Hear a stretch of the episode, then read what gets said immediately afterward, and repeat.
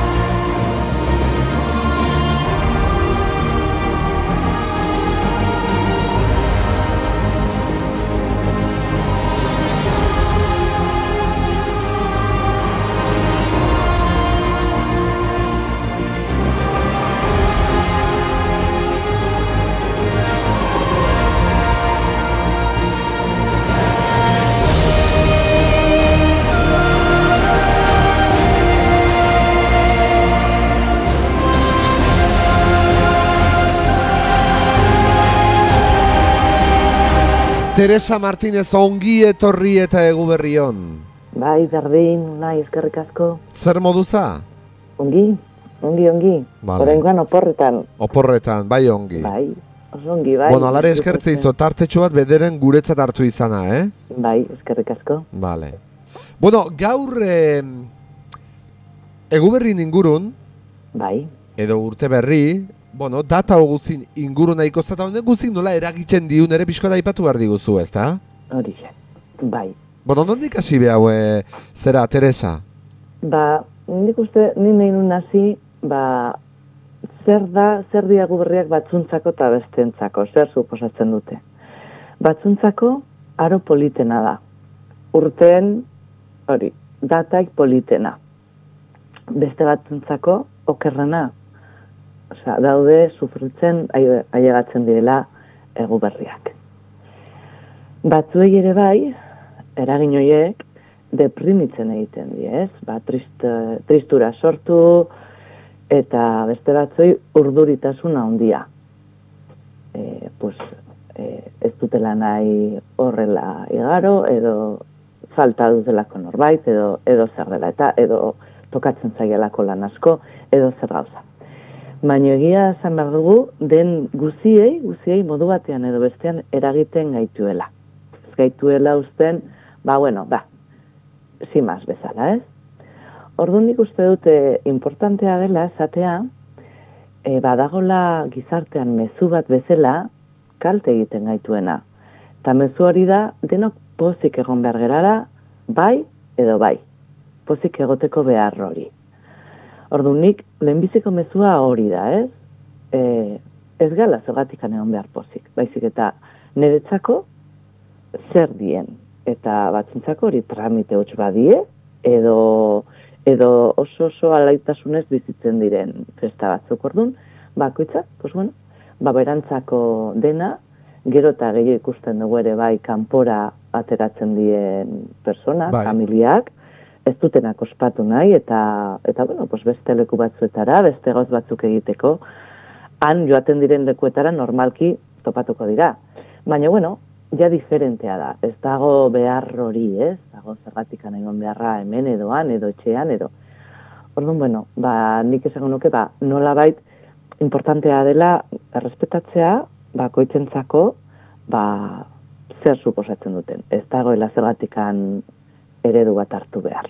Hori lehenbiziko gauza ipatu nahi nuen. Mhm.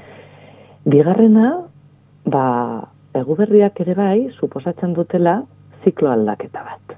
Osa, bere, e, pues, le, leno, bueno, orain kristautasunatik aurrera, ba, ospatzen zen, bueno, pues, Jesusen jaiotza. Eta baita ere suposatzen zuen, ba, hori ez, mezu berri bat etortzen zela mundura, eta, eta pixkat hori da, ez? Baino lehenago ere bai, eta fetxa hauetan, ospatzen zen eta batzuk gero eta gehiago entzuten da ospatzen dutela, negu solstizioa zen, eh? Eta negu solstizioa da negu luzeena delako. Eta suposatzen da baita ere, ba, badagoela hor, ba, ziklo aldaketa bat. Eta ni hortan, hortan gaur aritu nahi dut, ez? Ziklo aldaketa hoiek, ba, aprobetsatu, aprobetsatu ditzazkegula ere bai, ba, bueno, nola bait, asmo, eh, bueno, balantze bat egiteko, ez? Urtean zehar, eh, aurreko urtean planteatu genituen asmo hoiek, ba, lortu ditugun, edo ez ditugun lortu, edo baita ere, ba, naiz eta asmoiek ez lortu, ba, ze aldaketa sumatzen dut ni lehen urtetik onera, balda zerbait naiz eta oso txikia izan, balantze hori egiteko aukera dugu.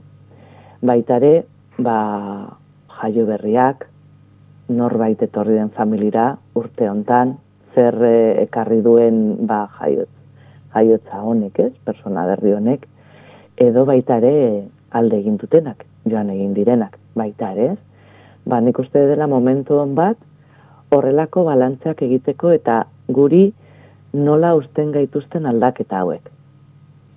Zer ga, nola gauden, test bat bezala, ez? Hori, baita ere, jakiteko, zeren badakizu urte berrian beti egiten ditugula asmo asko, gero ez dakit betetzen ditugun edo ez, baino bai planteatzen dizkiogu gure buruari asmo asko, da momentu bat hortarako. Hasi nik esango nuke ere bai, e, asmo hoiek, mm, bueno, pas, ba, nola egingo ditugun, planteatuko ditugun, ba, egitea modu pues, produktibo batean, alba dugu. Orduan, lehenbizi, posibleak diren asmoak, e, aukeratzea. Zerrenda bat egin, idatzi, hau hau, egin nahi dut. Die eta kirola denbora gehiago atera e, nire familientzat edo nire txako, e, denbora gehiago atera pues, el, voluntario gisa edo bestentzako, e, dena delakoa, ez? Ez bakarri nire diren e, asmoak, baita ere besteekiko edo, edo mundua hobetzeko, aukeratzen ditugun asmoak. Mm Guzti horiek izendatu, jarri, idatzi, eta horietatik joan aukeratzen posibleak diren asmoak. Eta baita ere, ba, ikustea ez, ba, zer materializatzeko horiek, ba, benetan egiteko, ze pausoak egin behar ditudan, noiz, noizko, noiz hasiko naiz, fetxa bat jarri, zer behar dut e, hori egiteko, ze kondizioak edo e, ze zeinekin beste norbaitekin, nola egingo dudan, dena zehaztu. Bai? Horregatik importantea da oso asmo gutxikin gelditzea, pos agian akaso bat edo bi, eta nahikoa. Indar gehiago emateko, gure, gure asmo hoiei, ez? Gure nahi hoiei. Zeren, e, esango nuke psikologikoki e, lortzen dugunean guk erabaki dugun asmo bat, edo guk daukagun helburu bat, poza handia ematen digulako.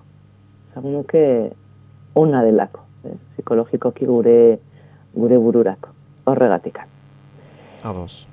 Bai, eta, bueno, baita ere, e, nik uste badagor beste lantxo bat, zeren askotan jartzen gara hori, ez? Ba, aldatu nahi ditugu alda ezinak diren gauzak.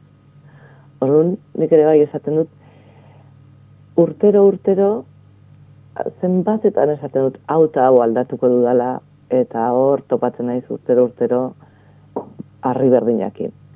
Ba, bueno, pues baita ere, onartu behar dugu, eta hau, esaten dut, benetan, onartu behar dugu, naizen bezala, e, ongi nagoela, hola, hola naizelani, hola maite naizelani, ongi dagoela, eta on, hola izan dadila, baita ere. Hmm? Ez dugula den aldatu behar, baizik eta lan politxa dela e, erabakitartzean ere buruarekin olakoa naizela ni. Eta eta hola maite naizen, naizela. Eta nik uste baita ere, erabakitzen dugunean guk ala maite garela, pues bueno, ba, munduari bestei ematen diogula ere bai pista bat, ez, edo mezu bat, eta sinizgarria izaten dela. Eta besteak ere, bueno, errexago da besteak ere maitatzea guk garen bezala. Zeren benetan maitatzen zaituenak ere, pues, zaren bezala onartzen zaitu. Beti maite duguna, beti maite dugu gehiago, akatzengatik e, ongi egiten dituen grazingati baino gehiago. Hori ere importantea da buruan izatea, baita ere, eta eta erre, errealistak izatea gure buruekin eta eta eta baikorrak. Eta gero, ba, bukatzeko baita ere, ba, kontutan izan baditugula hor ritual asko, ez? Eta, bueno, ba, posiblea dela ere bai, zeren jende askori ritualak egitea, ba, baitare laguntzen dio, nola baite, bueno, pues asmo, asmo bateri indar bat emateko, ez? Eta pixko bat errepasatzen ze indar, ze ritualak ditugun, gure gizartean normaltasunez eta urtero urtero egiten ditugunak, ba, adibidez badago bat, dela, ba, hori, mendin muerdagoa, muerdago hartu, eta lehen urtetikan, bali daukagun muerdagoa, ba, muerdago zarrori urte berrian, ez dakit urte berrian, baita irakurri dut errege egunean egiten dela, baina, bueno, nik jo egiten dudanean urte berrian egiten dut, muerdago zarra erre, zeren hori ja pasatu inda, joan egin da urte, urte hori, eta e, muerdago berria atean zintzilikatu ate gainean zintzilikatu urte osoan han egoteko, zeren bere, bere, bere eragina da, etxekoen babesa. Etxekoek babesten ditu. Ordu, bueno, pues hor dugu ritual bat. Badago, beste ritual bat, ez dakin ondikan etortzen zaiguna ez, baina azpiko arropak gorriak izatea. Hori ez dakite egiten duzuten leitzan edo edo entzuten den, eh? Otxero hori badao, bai, eh, zera bai, baroko arropa gorri erabili edo itameikan, eta bar, eta bar, ezta? Horixe, horixe. Ba, dirudienez, arropa gorri horiek, ba, kolore gorria, da maitasuna eta pasioa eragiteko kolorea, erakartzeko kolorea. Orduan, bueno, pues ba, gero eta gehiago entzuten da ez, ikusten dira datan hori arropa gorri horiek. Baita ere, kandelak erre, nik uste dut zua betidanik izan da, eta gure gizartean, Euskal Herrian, zua beti betidanik erabili izan da, ba, zaharra erretzeko, eta, eta berria erakartzeko. Ordu nor, baditu, pues, kandelak erretzea, e, hori ez, fa, fa, farian adibidez. Faria prestatu eta erdin, maia prestatzen dugunean, ba, kandel batzuk jarri. Aipatuko ditut kandel bakoitzaren, kandela bakoitzaren koloreak zertarako balio duen. Kandela gorria esan dugu bezala maitasuna. E, nahi baldi dugu gure, be, gure bikote harremana edo gure familiko maitasuna izatea gehiago, esango nuke bikotearekin, baina bueno, baita ere orokorrean maitasuna, kandela gorria. Kandela urreko, urrekoloreko kandela. Ba, dirua eta onurak erakartzeko hori denok nahi dugu, ez da, nahi? Mhm. Gure, gure onurak egotea gure, gure inguruan, ez? Beti, ba, nahikoa izatea bizitzeko. Baitare, osasuna. Osasuna da, kandela berdea. Osasuna izatea esaten dute gero eta gehiago, importantena dela. Orduan baitare, gure osasuna erakartzeko, kolore berdea erabiliko dugu. Horia, negozio onak egiteko. Morea, pixkoat pentsamendu ezkorrak alde, aldentzeko gure, gure ingurotikan. Eta urbina, lan aldaketak edo lan postu egoerak egiteko. Nik horruzten dizuet, eta nahi duenak, ba, ba, oi, urte berriko gauan, erredezan afaltzen duen bitartean, e, kolore horietako kandelen bat. Eta, bueno, pues bukatzeko, ba, hori bereziki esatea importantena dena, dela hori ez, ba, gure, gure intentzioa jarri hor. Gure osasunain albalin badugu zaindu, ba, pentsau, agar zer aldatu behar dugun, edo zer egin behar dugun. E, maitasuna izatea nahi balin badugu, pues baita ere, ze, zer landu behar dugun, zen askotan ba, nahi ditugu gauzak aldatu, baina gure aldetikan ez ez dugu gehiagi egiten. Bakarrik etorriko balitzu ezala, ez? Horren importantea da, hori, gure intentzioarekin batera, horrelako horrelako ritualak edo, edo bakarri pentsamenduekin, baina baita ere materializatu nahi dugun hori eta eta hortarako beti nik esate dut oso importante dela idaztea. Eh, lehen osan dugun bezala, idaztea eta eta oi, zehaztea ongi e, lortu nahi dudan asmo pare bat edo olako zerbait ez gehiago. Eta, eta hori da, esan nahi nuen guztia. Edo zen modutan, eta hasieran aipatu duzun eguberritako bai. e, kontu hori, bai. eguberrik eta azkenen e, norberen gan eragine baduela, bai. modu batera edo bestera. E, egi, neri, nik bateri bino gehi hori entzun diet, eh? Eguberrik, bai. bueno, ba, egin handi baten e, ez dituela gustoko. Ba, bai. askongatik. Bai. E, bai. Batetik, zuk aipatu duzun hortara, badiru direnak oso pozik, oso ederki, oso eder, denak harmonin eta merdugula, eta bat eta beste, eta elkarrekin, eta eta bizkat hortik tiratuta, goandot justu gaina, azte honetan batek esaten ziela hori gogoak, e, ba hori guberri guzik pasatzeko, ez da? Bueno, ba, bai. ba, ez da zale, ez da guztoko, ez da guztoko, ba, mila arrazobe eon datxezke, ez da? Bai, Bai. E, askotan gertatzen baita, eta maite duzun hori, bueno, ba, urruti dao, edo ez dao, ordu horrek eragine bado, edo ez do, hori bizitzen, edo hori ematen ere jakin behar da. Bo, garo, hori bai. jakin behar da azkenen urteko egun guzitan, e, Teresa? Ez da egu bai. berri kontuen, naiz eta badirudi oso berezik sartu dauzkeu egu berrik, eta horren nolabait gehiago edo intensifikatzen da, ez da? Bai. Eta e, gero entzun izan dut ere bai egu berritan, pertsona edo, ez denak, orokorre pertsona ez dakit, ez dakit ala den psikologikoki edo bada honen inguruko ikerketarik. Nik galdetu iten dizot. Bai. Sentiberagoa da pertsona egu berritan edo ez? Bai. Ta bai. Zeren, zeren, eragiten kanpokoak eragiten gaitu.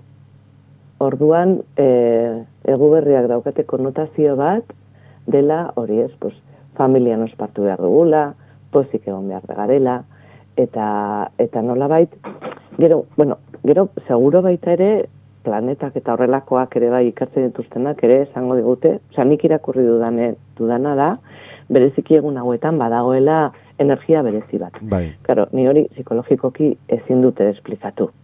Mm? Psikologikoki berez da esplikatu dezakeguna da, ba, ba, estimulo asko daudela, ba, hori ez, izan, izan egon zaitez ongi, egon zaitez pozik, erosi, e, jan, e, familiarekin egon, o, pozik egon behar zerela. Orduan, mm, bai dago presio bat bezala esango nuke. Nik esango nuke dagoela presio bat. Eta, eta horrek, claro, ba, emozioak ba, mugitzen ditu. Orduan, mugitzen ditu pues, ba, alaitasunera, edo tristurara, edo rabiara, edo, bai? Orduan, esango nuke hori, psikologikoki. Gero, planetak e, baita ere ikasten dituztenak, esaten dute egon hauetan, egoten dela beti, e, bueno, ba, zerbe berezia. Igual esaten da, e, badirela, ba, urteko aro batzuk ere baitirenak bereziak, mm udazkena, izaten dela beti, ba, barruraka, ba, barruraka sartzeko garai bat, eta ba, mentalki, ba, bueno, ba, okerrago dauden personak baita ere asko nabaritzen dutela, edo da berritan. Orduan, bueno, badirudi egia dela, ba, egun hauetan ere bai, badagola alako, alako zerbait, baina gero kanpoko estimulazioak ere eragin, asko eragiten du. Orduan, oso sensiblea den personak jasoko du dena. Jasoko du dena. Así que, bai, bai. Orduan, bueno, zaindu behar gera. Zeren, bakoitzari errespetatu behar diogu eragiten digun, digun hori. Eta, eta bueno, pues, ba, hori, hori jakin, prestatu, eta hori, gero, ni gero eta gehiago ikusten dut, ba, kanpora ateratzen den jendea. Mhm. Edo, Baina garen, egia da, eta bai e, guberritan orantzaro eunen eta ka, leitzeko kasun, esate baterako, kanpoko Bai. familiak ere etortzen die, Martin, oz barkatu e, Teresa. Bai, E, bai. Diot, Bai. azken urtetan landetxetara eta etorri die. Baina, gero da beste kontu bat eta nik uste zeharo desberdin edena urte zarreun hori edo urte berri urte zarra da. Bai, bai, Pertsonara ez da berdin egoten badi di- dirudinez. Lehen aipatzen genuen sentiberatasun hori, eguberritako hori, badirudi bihurtzen dela gehiago pesta edo arrotu bezala itenga edo euforiara edo edo ez, ez peitakit. Egia da, Eh? ba, bai, Kuriosoa da. egia da, bai, bai, bai, bai, e, pues bueno, ba, badago, badago egia da, euforia hori, ez, nola bai, ba, bueno, pues, botatzen dugula dena, badugula aukera bat hor asko aldatzeko, horregatik nik uste dut badagola olako zerbait, ez? Eta, eta bueno, ba, gero ere, bai, ba, ezken nik uste, komertzialki, ba, hori ere bai sortu egin dela, ez?